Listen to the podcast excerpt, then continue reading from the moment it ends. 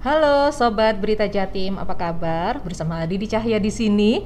Kita ada di acara ngopi bareng dokter. Hah? Kalau penayangan perdana ini bisa diperkirakan pas puasa kok ngopi. Karena ngopinya itu adalah ngopi ngobrol pintar bareng dokter. Nah, untuk kesempatan kali ini saya sudah bersama seorang dokter yang agak ngilu-ngilu dikit kalau ngomongin soalnya urusannya sama gigi saya sudah bersama dokter Tania Sas Kian. Saskianti kelipet Dokter Tania Saskianti, halo apa kabar? Kabar baik Mbak Didi, sehat-sehat semua. Alhamdulillah sehat ya. Syukurlah. Nah, ini saya saya eh, menarik sekali kalau ngobrol dengan dokter gigi ini ya, karena saya sendiri punya permasalahan banyak dengan gigi, tapi sebenarnya banyak yang dialami oleh para orang tua itu untuk mendekatkan dokter gigi dengan anak. Betul sekali. Pengalaman banget ya. Nah, ini memang spesifikasinya khusus ke anak ya. Betul, spesialis kedokteran gigi anak, Oke. konsultan untuk anak berkebutuhan khusus. Oh, gitu. Apa yang membedakan dengan dokter gigi yang lainnya, yang umum? Eh, yang pasti pendidikannya udah beda, Mbak Mm-mm, Didi. mm-mm. Jadi untuk spesialis kedokteran gigi anak, Yuk. kita eh, setelah lulus dokter gigi kita nambah spesialis tiga tahun. Mhm. Nah, tapi khusus untuk anak-anak memang kita concern lebih ke prevention, Mhm. kemudian ke manajemen behavior pada anak-anak karena kan anak-anak itu meskipun dia orang sama-sama bentukan orang, Mhm, tetapi mhm. dia emosinya, Mhm. kemudian kognitifnya itu kan masih dalam masa tumbuh kembang. Betul. Jadi pendekatan dokter giginya juga berbeda, secara anatomi beda, secara Mhm. eh, mental emosional juga beda. Nah, kalau dari sisi orang tua nih pertanyaannya gini, kapan sih anak pertama dibawa ke dokter gigi? Oh, Oke, itu penting banget ya. Soalnya kan anak nggak tahu, tahu anaknya udah giginya udah Betul, numbuh aja. Betul. Nah, eh, sebetulnya Mhm. begitu anak tumbuh gigi kira-kira enam bulan sampai 8 bulan Mhm. itu udah diajak ke dokter gigi. Oh, Meskipun masih nggak ngerti si anak itu. Semudah itu ya? Betul. Paling telat Mhm. sampai kira-kira eh, umur setahun lah, ulang tahun pertama Hmm. itu dia sudah diajak ke dokter gigi. Jadi diinget-inget ulang tahun pertama itu Oke, udah oke, diajak oke, ke oke. dokter gigi anak supaya dia familiar aja, supaya dia main aja, cuman periksa-periksa aja. Jadi nanti ke dokter gigi tidak hanya pada saat giginya sakit. Itu dia. Jadi banyak orang tua yang membawa anak-anaknya ke dokter gigi itu saat giginya sudah gigis. Betul. Atau saat gigi Mau cabut gigi. cabut gigi gitu ya. pas disuntik. iya iya loh sebenarnya apa sih eh, manfaatnya kalau kita anak kan baru numbuh ya belum kelihatan giginya udah dibawa ke dokter gigi itu manfaatnya apa dok? Betul. Jadi eh, membersihkan gusi, membersihkan Oh. mulut pun itu sebetulnya mulai dari bayi lahir. Oh. Karena bayi lahir minum ASI atau minum susu formula, Oke, oke, oke. itu kan gusinya tuh terselimuti sama susu. Nah, pada Hmm. saat kita tidak pernah membersihkan, Mhm. nanti kira-kira umur 6 bulan giginya keluar, gusinya nggak bersih, Mhm. demam si anak. Oke. Tuh, oke, jadi kita bersihkan itu pakai eh, waslap bisa Mm-mm. air matang anget gitu. Hanya Oke. untuk membiasakan si bayi ada sesuatu yang masuk ke dalam mulut nih bersih-bersihin mulut nih. Oke. Nanti waktunya dia mau waktunya belajar sikat gigi udah Mhm. nggak nolak, udah terbiasa. Tapi sebenarnya anak itu normalnya tumbuh gigi itu eh, sampai akhirnya apa gigi susu full ya? Ya. Itu usia berapa sih? Dan kenapa kok sampai ada anak yang terlambat tumbuh gigi gitu sampai udah usia berapa tuh masih kayak entah gigi kelinci lah, entah nggak numbuh numbuh lah. Macam-macam masalahnya ya, oh. Mbak Didi. Jadi eh, biasanya anak bayi itu Mhm. mulai tumbuh gigi umur 6 bulan lah, Ya. 4 bulan, 6 bulan gitu Mhm. yang normal. Nah, lengkapnya gigi sulung itu sekitar 2 tahun. Itu Oke. untuk anak yang sehat, anak yang normal. Mhm. Tetapi bermacam-macam eh, masalah sehingga ada yang tumbuh giginya terlambat. Mhm. Nah, tumbuh Mhm. gigi terlambat itu bisa karena faktor lokal. Misalnya, eh anaknya terbiasa maemnya yang lunak. gitu Oke. sehingga nggak terangsang ini gusi rahang Mhm. sehingga giginya nggak keluar keluar bisa Oke. biasa makamnya bubur atau nggak makan malah Mhm, mungkin susu mhm, terus mhm, gitu itu mhm. juga gitu itu lambat keluarnya bisa juga masalah genetik papanya mamanya telat nih keluarnya Mhm, mhm. atau jumlah giginya memang mamanya kurang ada beberapa gigi yang tidak keluar anaknya pun sama Oke. atau yang lebih kompleks lagi kalau memang dia punya kebutuhan khusus Hmm. Down syndrome misalnya Oke. delay development misalnya tumbuh kembangnya telat Mhm. sehingga memang ada beberapa gigi yang tidak tumbuh.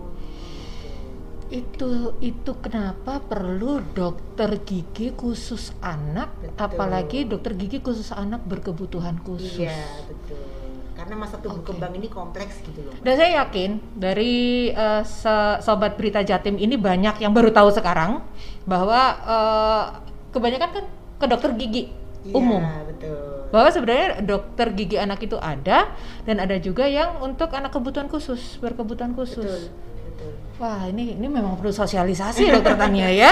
Oke. Nah, sekarang kita udah nunggu-nunggu anak itu tumbuh gigi gitu ya. Gilirannya tumbuh ternyata banyak-banyak sekali permasalahan. Ya. Mungkin eh, strukturnya yang entah dia tumbuhnya tonggos Mm-mm. atau mungkin udah tumbuh ternyata gigis. Iya. itu itu betul. itu gimana? Bagaimana kita bisa melihat bahwa oke lah harus ke dokter gigi anak ya. Mm. Tapi sebagai orang tua mengamati apa yang harus jadi eh, apa sign supaya kita Concernnya oh, oh, ya, waspada gitu. Waspada. Yang pertama kebersihan gigi, Oke. kebersihan mulut itu nomor satu deh.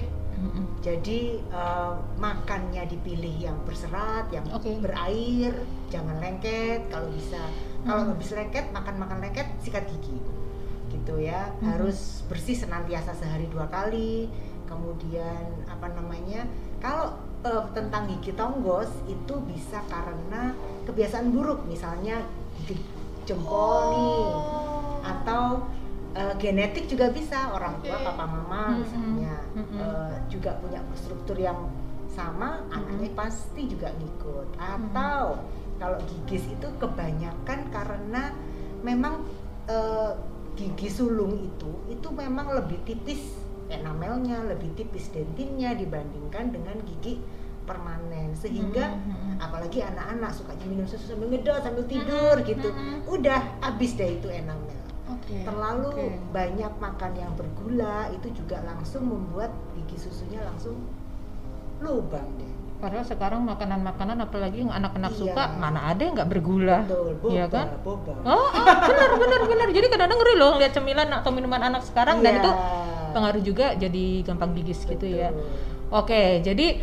eh, untuk sobat berita Jatim bisa di ini ya, bisa diwaspadai dari awal dan perilaku kita sebagai orang tua itu Betul. juga berpengaruh pada kondisi gigi anak kita ya Iya. sebenarnya ya.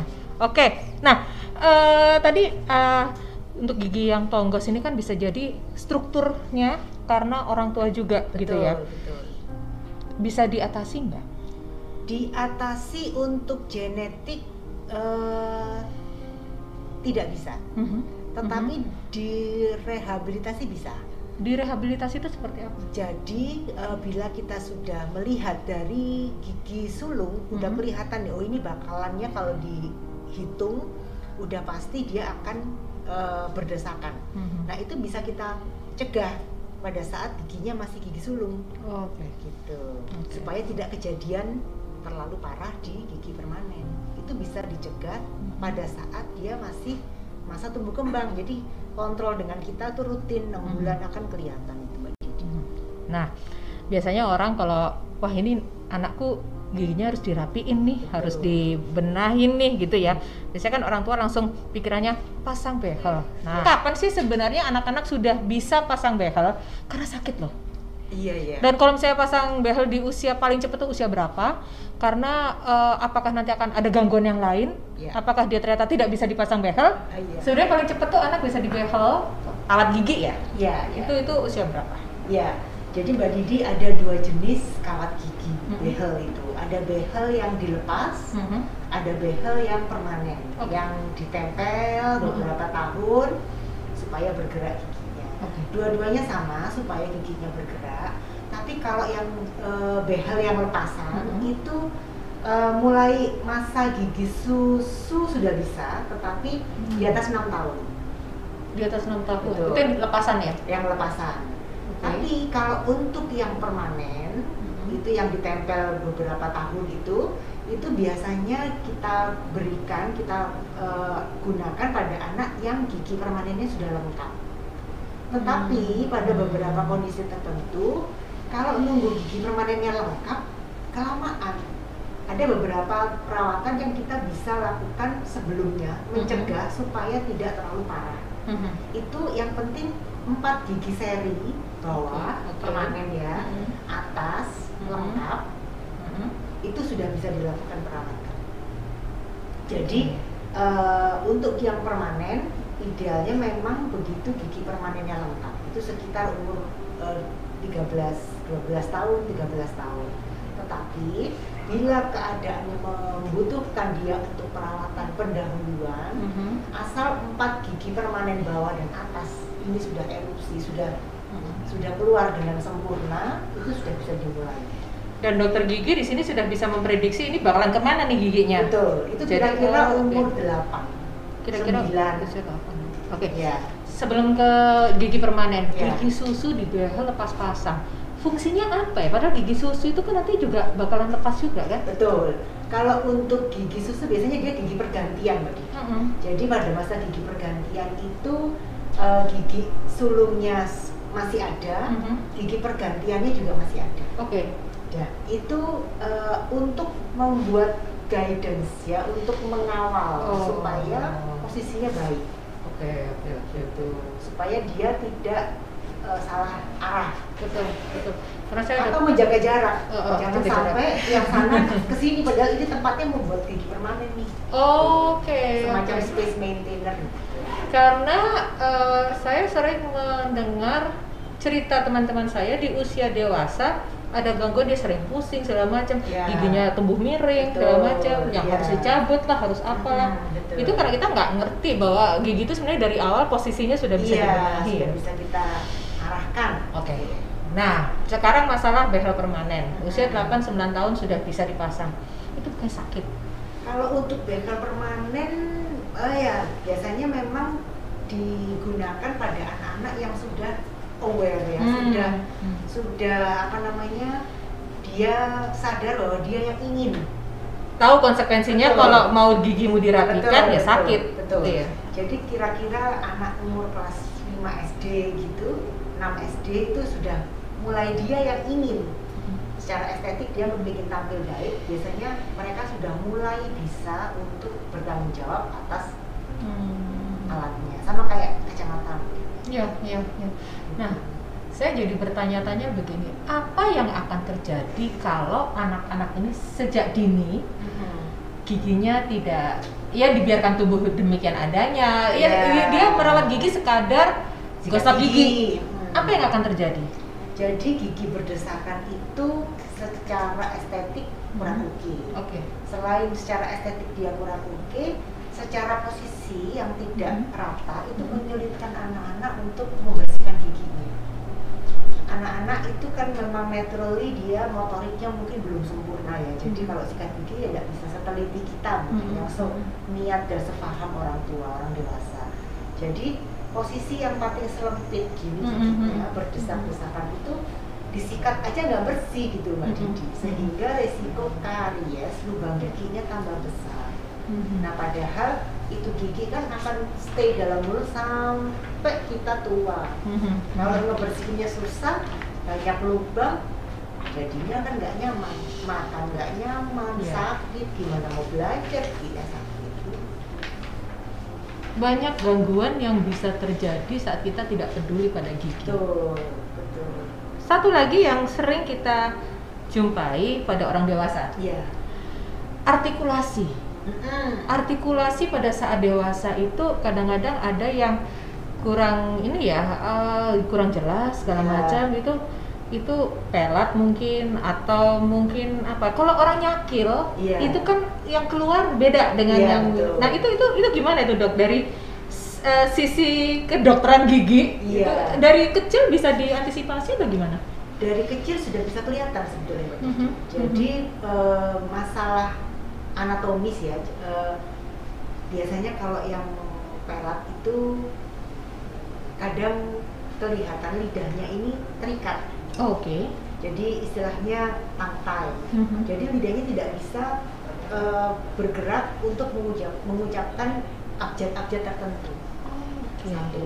Bisa karena lidahnya yang eh, tangkai ya ter- terikat. Ya ya ya ya ya ya. Satu. Kemudian yang kedua bisa juga eh, karena lisping ya, lisping itu jadi eh, apa namanya S-nya tuh F gitu. Itu Mhm. juga Mhm. itu karena susunan giginya juga nggak tepat. Oke. Itu, itu sangat mempengaruhi. Kemudian ada juga eh, anak-anak dengan mungkin dulunya ada celah langit-langit atau Iya, celah iya. bibir Iya, iya. sehingga dia meletakkan lidahnya kurang tepat di posisi yang tidak bisa di tempat yang benar Oke. sehingga dia pengucapan S, F, T itu tidak bisa R itu Mhm, lidah mhm. tidak bisa bergerak motorik dengan baik sehingga pengucapan abjad konsonan tertentu itu memang susah Oke. gitu. makanya eh, untuk anak-anak yang seperti itu dari awal kalau kita bisa deteksi dini Mhm. itu kita bisa koreksi dini sehingga kita bisa refer ke eh, mungkin dokter medik ya Mhm. supaya bisa dibantu eh, terapi bicara. Oke. meletakkan eh, lidah melemaskan otot wajah bibir Mhm. otot mulut itu pun ada ada ahlinya gitu. Di sini dokter gigi tidak berdiri sendiri. Betul, pasti harus bekerja secara tim. Kita memang eh, untuk kesejahteraan apa ya pasien Mhm. untuk mendapat perawatan yang oke itu memang harus tim. Oke. Oke. Nah, tadi obrolnya berat-berat deh. Iya, Ini saya iya. punya pertanyaan yang simple Iya iya. dan orang tua mungkin saking simpelnya sampai lupa, sampai nggak sadar. Dari eh, sudut dokter Tania sebagai dokter yang sering menangani anak-anak kecil, ayo dong kasih masukan kepada kami para orang tua. Gimana caranya supaya anak-anak kami ini mau ke dokter gigi sukarela? Mereka takut dari Iya, awalnya, betul. gitu loh. Itu dimulai dari orang tua. Oke. Jadi orang tua, anak dan dokter gigi itu kayak triangle. Oke. Ya, puncaknya adalah kesejahteraan anak. Yang kanan orang tua, yang kiri dokter gigi. Yang ketemu tiap hari dengan anak adalah orang tua. Jadi kalau kita bekerja sama, Mhm. kita pasti akan mendapatkan gigi anak yang sehat. Caranya orang tuanya juga jangan takut. Kadang-kadang orang tuanya waktu dirawat begini-begini juga. Anak lihat, Betul. takut. Hmm. Juga takut. nanti aku cubit ya, nanti aku kasih tahu dokter ya, aku suntik ya gitu. Jadi yang pertama orang tua positif dulu. Pada saat orang tua dirawat, anaknya diajak aja dan an- orang tuanya harus agak jaim-jaim dikit gitu. Jangan sampai nampak takut gitu. Oke. Dan segala yang dimulai dengan awal dan dini dibiasakan itu akan lebih mudah ke dokter gigi lebih awal. Supaya kenal aja main aja. Oh ternyata nggak berbahaya nih. Oh ternyata aku nggak sakit kok. Dan maintenance kebersihan mulut itu nomor satu. Udah itu aja. Mulut bersih, sehat, giginya ya insya Allah akan baik-baik saja. Dan ingat kesehatan gigi itu akan mempengaruhi kesehatan seseorang secara keseluruhan. betul banget. Ya, Dokter Tania terima kasih banyak. Sama-sama, Saya jadi hati. level pinternya jadi nambah satu strip ya dengan obrolan ini karena ini ada di ngobrol pintar bareng dokter. Jadi untuk sobat berita Jatim jangan takut bawa putra putri anda ke dokter gigi karena sudah ada dokter gigi khusus untuk anak-anak ya. Kita akan ketemu lagi di ngobrol pintar bareng dokter di edisi selanjutnya.